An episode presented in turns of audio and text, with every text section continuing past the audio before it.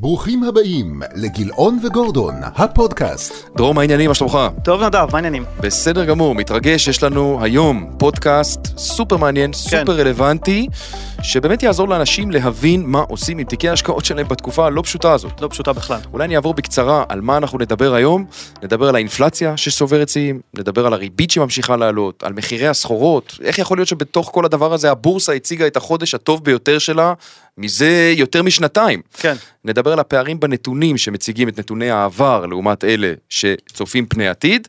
כל זה לפנינו. קדימה, יאללה, בוא נתחיל. בוא נתחיל. דרור, התחלנו את השנה בצורה הכי נוראית כן. מזה עשרות שנים. נכון, ואז הגיע חודש יולי. כן. וחודש יולי היה הטוב ביותר מאז שנת 2020, מאז היציאה מהקורונה, מאז שהבינו שהעולם ישרוד את הקורונה והמדדים באמת אה, אה, הציגו שיפורים ניכרים. כן. איך בתוך כל הפסימיות הזאת של האינפלציה והעלאות ריבית, הגיע הרלי הזה? כן, אז בהחלט אה, עוד שיעור שמשקיעים מקבלים, אני מתכוון משקיעים שמנסים לתזמן את השווקים, כי אנחנו רואים כל פעם אה, מחדש שהראלי או עליות מאוד חדות מגיעות אחרי ירידות מאוד חדות. אז קודם כל, סיבה הראשונה לעליות ש, שקיבלנו ביולי, זה שלפני זה היו ירידות מאוד מאוד חדות. אז עכשיו אנחנו צריכים רק לנסות להגדיר לעצמנו האם מדובר בשינוי מגמה, או מה שמכונה בעגת המשקיעים, ראלי של שוק דובי, שזה אומר, זה עליות שבקרוב מאוד נחזור לצלול למטה, ואז זה סוג של מלכודת. שזה ראינו כבר כמה פעמים מתחילת השנה, זאת אומרת כמה ימים רצופים של עליות, ומיד אחר כך חוזרים למגמת הירידה. כן, הפעם זה קצת יותר ארוך, נכון, העליות וגם נכון. עליות יותר חדות. ודרך אגב, אנחנו רואים את העליות שערים לא רק במניות, רואים את זה גם בקריפטו, זאת אומרת, נקרא לזה רגע נכסי סיכון.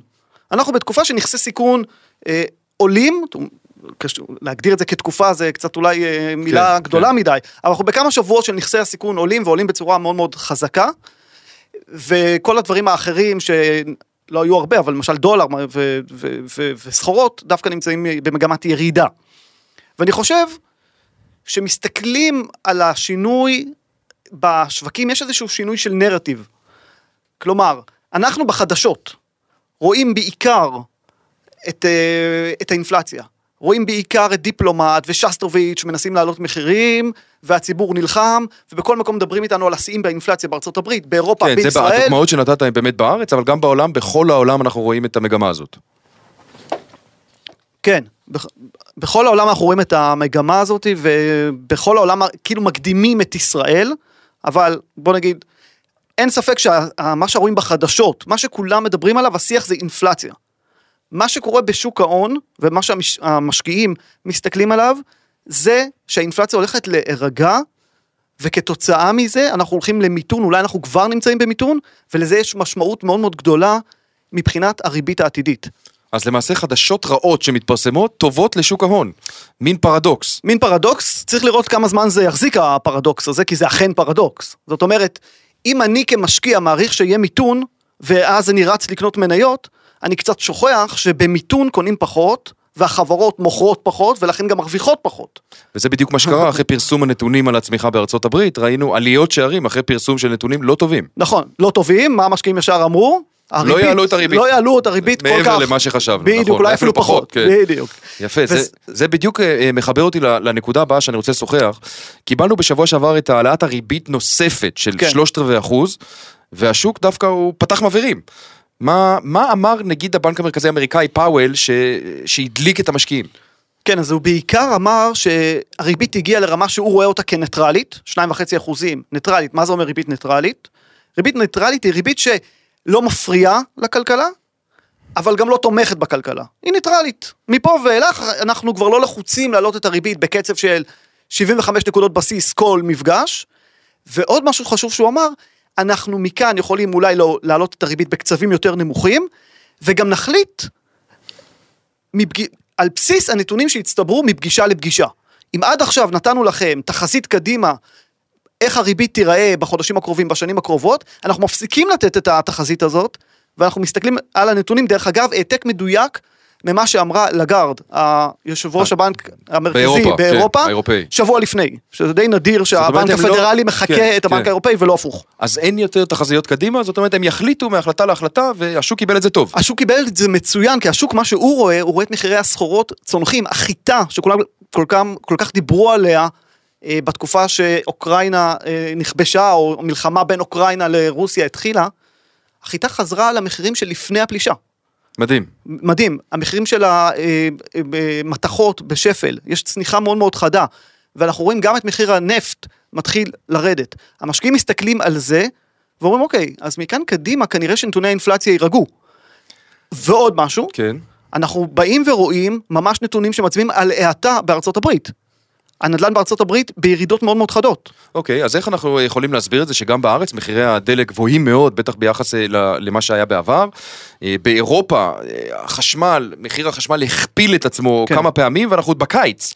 אז איך זה מסתדר כל הדבר הזה עם כל אז- מה שאתה אומר? אז אני חושב שהחיים זה איפה שאתה שם את הפוקוס. אז בן אדם יכול לשבת בתאילנד ולסבול מהחום, ולידו חבר שלו נהנה מאוד מהחופש. אז כל אחד מסתכל כל פעם על החיים מהנקודת אה, מבט שלו, וכרגע המשקיעים חיפשו משהו טוב, מצאו. אין ספק שזה בסופו של דבר אה, עדיין לא צפירת הרגעה, אנחנו בתקופה עם המון המון אי ודאות ואי הסכמה לגבי איזה נרטיב יתפוס בסוף. זאת אומרת, השוק היום מעריך שהריבית, תר... אה, סליחה, שהאינפלציה תירגע ותגיע ל-2.5 אחוזים ואפילו 2 אחוז לטווח ארוך לתמיד. למה? כי זה מה שהיה עשר- כמה שנים, כן, עשרות שנים כן. אחורה. לא בטוח בכלל שזה יקרה. היו גם שנים שהיא הייתה הרבה מעבר לזה. נכון, עכשיו אינפלציה אנחנו יודעים זה לא רק עלייה במחירי הסחורות כמו בשנות ה-70 של המאה הקודמת. אינפלציה יכולה לבעבע כתוצאה משיח בין אנשים, כלומר מתחיל, מתחילה דינמיקה של אינפלציה. שההוא מהחניון העלה את המחיר, והספר העלה את המחיר, ובסופר העלו את המחירים, והנדלן עולה, ואז אני בא למעסיק שלי ומבקש העלאת שכר. ואז יש לי יותר כסף, אז אני הולך וצורך, עוד פעם מעלים מחירים. זו דינמיקה של אינפלציה, והשד הזה, האינפלציוני, ברגע שהוא יוצא מהבקבוק, מאוד מאוד קשה להחזיר אותו. עכשיו, ממה אנחנו חוששים ומשקיעים אחרים חוששים? שהבנקים המרכזיים טוענים שהריבית היא 2.5% היא ניטרלית, וזה, המשקיעים מוסיפים לזה, אוקיי, אז האינפלציה תירגע מעצמה. אני בכלל לא בטוח שזה יקרה. איזשהו ניסוי שאנחנו לא יודעים מה יהיו התוצאות שלו וכרגע אנחנו ממש בתוכו בעין הסערה של לא. הסיפור הזה. במיוחד שזוכרים כמה כסף הדפיסו בשנים האחרונות וכמה זמן הריבית הייתה על אפס ואפילו שלילית בחלק מהמקומות בעולם. אני רוצה רגע לחזור, אנחנו קיבלנו את אה, העלאת הריבית הנוספת אה, בשבוע שעבר, איך זה יכול להיות שתשואות באגרות החוב יורדות כן. על רקע העלאת הריבית? זה, זה משהו חריג לחלוטין. זה בדיוק המאבק הזה בין מה שהבנק המרכזי אה, רואה וטוען. הבנק המרכזי היום פועל לפי הנתונים שהם בעצם נתונים שמראים לנו במראה האחורית מה קרה. על מה הוא מסתכל? על האינפלציה. האינפלציה זה עליות מחירים שכבר התרחשו. אבל מה קורה עם. מחיר החיטה, מחיר התבואות שירד כל כך חזק, המתכות ירדו כל כך חזק, מחירי הבתים בארצות הברית ירדו כל כך חזק, את זה לא רואים. על מה עוד מסתכלים? מסתכלים על האבטלה, שזה מהצד השני. האבטלה עדיין נראית מאוד מאוד נמוכה, שוק כן. העבודה בתעסוקה מלאה. כשמסתכלים על זה ככה, זה גם, זה נתון שהוא מראה לנו מה היה. אבל אם מסתכלים על הסקרים של מנהלי הרכש, בכל מיני תחומים, רואים שכולם פסימיים. אם מסתכלים על הסנטימנט, על המצב רוח של הצרכן האמריקאי למשל, שהוא אחראי על שני שליש מהצריכה בארצות הברית, בשפל. זאת אומרת שנתונים קדימה, וזה מה שהמשקיעים רואים, הם נתונים לא טובים. גם חברות מאוד גדולות פרסמו שלא לא בטוח שיפטרו בשלב זה, אבל בטח לא יגייסו עוד או יצמצמו משמעותית את הגיוסים החדשים, זה גם מאוד משפיע. ואת זה נראה בחודשים הקרובים. נכון, נכון, ודאי. ושוק ההון כבר בא ואומר, אוקיי, אני תמחרתי שהריבית תגיע לכמעט 4 אחוזים. כן. ופתאום אני מבין שהריבית תיעצר בשלושה אחוזים ושלוש עשיריות, משהו כזה, אולי, אולי פחות. ואחר כך גם יורידו ריבית כי הגענו למיתון. זה מאוד מעניין לקנות היום אגרות חוב בתשואה של שלושה אחוזים ושתי אחוז. ושלושה אחוזים ושתי עשיריות האחוז. ועל כן ראינו ירידת תשואות די דרמטית. אני מדבר על זה שמי, אני חושב באזור ה-16 אני רק ביוני, אזכיר, רוב המאזינים שלנו ודאי יודעים, אבל ירידת תשואות, המחיר של אגרות החוב עולה. נכון, נקודה מי חשובה. שמחזיק איגרת חוב, המחיר שלו עולה. התשואה יורדת, המחיר עולה. זה נורא מבלבל באגרות נכון, חוב, כי זה זה בדיוק הפוך. ממניות. כן. תשואה- ירידת תשואות זה מצוין למי שמחזיק. נכון. אז ראינו ירידת תשואות דרמטית, או עליית מחירים של בערך 4.5 אחוזים בחודש וחצי באגרות חוב, המון, 4.5 אחוזים. כמה זמן לוקח לעשות 4.5 אחוזים, שהיום הריבית במשק כל כך עדיין נמוכה, למרות שהם מעלים אותה, עדיין נמוכה. ראינו את זה בחודש וחצי. בזמן שהריבית עולה זה באמת נדיר, אבל באמת אני חייב להגיד שהנתונים הכלכליים שמתפרסמים לאחרונה, כולל אתמול בארצות הברית, מרמזים על כך שיש בסיס לחשיבה שאולי אנחנו הולכים לאיזשהו שילוב של ירידה באינפלציה, מלווה בהאטה כלכלית. זה, אני רוצה לשאול אותך מה, בתוך כל המורכבות הזאת שאנחנו כן. מדברים עליה כאן, אז אם אנחנו רוצים להסתכל קדימה, כן. מה, מה הסיכונים שאתה יכול היום אה, אה, לחשוב עליהם בהסתכלות קדימה? אז אוקיי, אז קודם כל צריך להגיד שחלק מהדברים שמאוד אהבנו לפני אה, חודש, חודש וחצי, למשל, זה שפתאום יש בשר באגרות החוב, היה הרבה יותר בשר, היה, הרגשנו נוח נורא לבנות אה, עוד פעם תיקי אג"ח, אז חלק מהבשר הזה נאכל. אה, נשארו עדיין, נשאר קצת רוטב בצלחת, אבל חלק מה... זאת אומרת, עכשיו, מה- מה שאנחנו צריכים עכשיו כדי שאגרות החוב ימשיכו לספק רווחי הון, זה לראות uh, bad news, שיהפכו ל-good news, בטח למשקיעי האג"ח. למעשה, bad news is good news ב- באווירה האחרונה. באווירה האחרונה. וכן, ולכן ראינו עוד ירידת תשואות, אה, עוד אחת, ממש בימים האחרונים, עם עוד פרסום אה, נתונים לא טובים בארצות הברית, אז זה דבר אחד. אז פחות בשר, זה, זה סיכון, כי אגרות החוב פחות יכולות אוקיי, לשמור עלינו. מה עוד? ואני חושב שמסתכלים על מה שקורה באירופה, למחירי האנרגיה, בעיקר חשמל וגז, ולחשוב שאנחנו רק בקיץ. כן, מה יקרה בחורף? מה יקרה בחורף, וכבר דיברו שם בגוש האירופאי על אה, קיצוץ, וממש מגבלה על שימוש בגז בחודשי החורף, ו- ואיך שלא מסתכלים על זה, לטובת חימום כמובן. אירופה הולכת להאטה הרבה יותר משמעותית עוד מארצות הברית, וגם שם אני מזכיר העלו ריבית. אה, פעם אחת כי אין להם ברירה, הם כרגע באינפלציה של, אה, של 8% ו-9 עשיריות האחוז. העלו ריבית לחצי אחוז. והעלו ריבית, נכון, לחצי אחוז. היא הייתה אפס, העלו אותה בחצי אחוז האפס, לחצי אחוז. וחלק מהמדינות הייתה שלילית, נכון. ועכשיו אה, היא כבר לא שלילית. כן. ולמעשה המקום היחידי בעולם שעדיין בריבית שלילית זה יפן, אבל רוב השווקים כבר העלו ריבית, ו- ויש פה שני דברים שממש, אני חושב שכל אזרח מרגיש שהבנקים המרכזיים לחצו לו על הברקסים. ואם היום אני רוצה לקנות רכב בהלוואה, הלוואה יותר יקרה, אולי אני לא אקח הלוואה. אולי אני לא אקנה, משכנתה יותר יקרה, אז אני, אולי אני לא אקנה את הדירה. אולי אני, לא, אני רוצה לקנות, אני לא יכול כבר לקנות. אז יש פה הרבה דברים. ואני חושב שזה סיכון, כי כוח הקנייה של הציבור ירד. אני חושב שהתחזית ששוק ההון נותן לרווחי החברות לא השתנתה בצורה משמעותית, וחלק ממה שעוצר את האינפלציה היום, זה שפשוט לאנשים יש פחות מה שנקרא הכנסה פנויה, יש להם פחות כסף.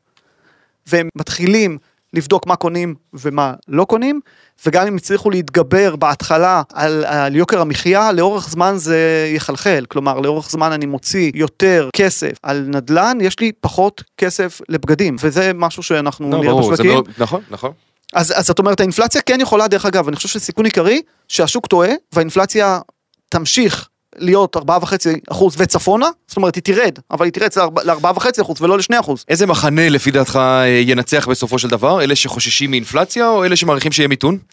אני חושב שאלה שמעריכים שיהיה מיתון, הם צודקים כרגע, יש כבר בארצות הברית שני רבעונים שליליים, אז כבר אנחנו רואים טכנית, אה, כן. טכנית מיתון. ויכול להיות ששניהם יהיו צודקים, רק העניין זה באיזה טווח זמן. אני חושב שהאינפלציה, אני באמת חושש מזה, שלשני אחוז אנחנו לא נחזור כל כך מהר, ואם האינפלציה תהיה 4-4.5 אחוזים, אנחנו נוכל להיות מופתעים מזה שהריבית תהיה יותר גבוהה בסוף ממה שהשוק, ואפילו הבנק הפדרלי מעריכים כיום, זה הסיכון. האם זה יתממש או לא, אנחנו נדע בחודשים הקרובים, ובגלל זה אנחנו ניפגש פה כל שבוע, כדי לעדכן על הדברים הכי חמים. זה בטוח, אבל בכל זאת אנחנו רוצים לספק למאזינים שלנו כן. כן. איזה שהם אה, המלצות קונקרטיות לתיקי ההשקעות שלהם, כן. ששומעים את, ה, אה, את הפודקאסט הזה, ורוצים באמת אה, לדעת מה הם משנים בהתנהלות הפיננסית שלהם היום, שהם כן. מאזינים לזה. אז אוקיי, אז אה, שאלה מצוינת, כי אני חושב שצריך להיות ברורים. אגרות החוב, התשואות ירדו, ודיברתי על זה שקצת פחות אה, בשר נשאר שם, אבל במניות אנחנו עדיין במינוס 20 בנסדה, כן, מתחילת שנה. על אף העליות שראינו על אף בחודש יולי. העליות, זאת אומרת, אנחנו עדיין ב... בשנה קשה. אם אני מסתכל על תיק כללי כזה, הוא בתשואה שלילית של בערך 8, 7.5, 8 אחוזים מתחילת שנה. אני רק אומר, תיק כללי זה בערך 55% אגרות חוב ו-45% מניות. מצוין, נכון. ולכן ההמלצה הכי טובה זה לוודא ש... שאנחנו לא עכשיו משנים את תיק ההשקעות על בסיס מה אנחנו חושבים, אנחנו, אבל לא, זאת אומרת, אנחנו באופן כללי, כל אחד על בסיס מה שהוא חושב, שלא ייחס לעצמו יותר מדי חשיבות, ממש לבוא בצניעות לכל האירוע הכלכלי הזה, זה אירוע מאוד מאוד מורכב, תמיד האירועים הכלכליים מורכבים, זה הרבה מעבר למה שאנחנו מדברים בשיחות סלון, ולכן תיק ההשקעות כרגע צריך להיות מותאם לצרכים, מי שצריך את הכסף לשנה הקרובה, ממש לרדת אה, לריבית משתנה או לפיקדון בבנק, עדיף ריבית משתנה, אבל לא משנה, משהו ממש אה, בונקר, קרן כספית. קרן כספית.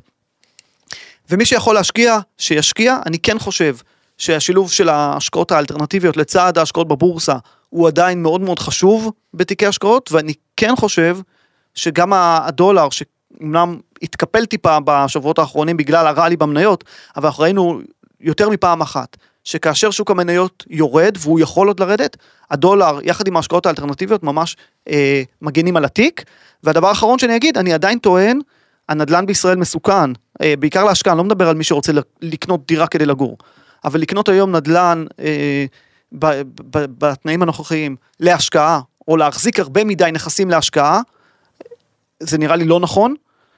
ואם אפשר למכור היום דירה. זה עדיין נכון למכור, זאת אומרת, כן. זה עוד לא הגיע לשוק הזה במלוא העוצמה. זה לא הגיע בכלל בישראל. נכון, זה אולי בשוליים, אבל כן. בהחלט זה זמן למי שמחזיק הרבה נדל"ן, בטח להשקעה, נכון. אולי לממש את חלקו. אולי לממש את חלקו, ומי שרוצה לקנות נדל"ן להשקעה, זה גם לחכות, זה לא תקופה להיכנס להשקעות כל כך יקרות, עם תשואות כל כך נמוכות, ולקוות שרווחי ההון שראינו בעבר, יימשכו בעתיד לתוך כלכלה עם ריבית יותר גבוהה, עם אנשים עם פחות הון, כי הם הפסידו כסף, וגם עלות המשכנתה כל כך התייקרה.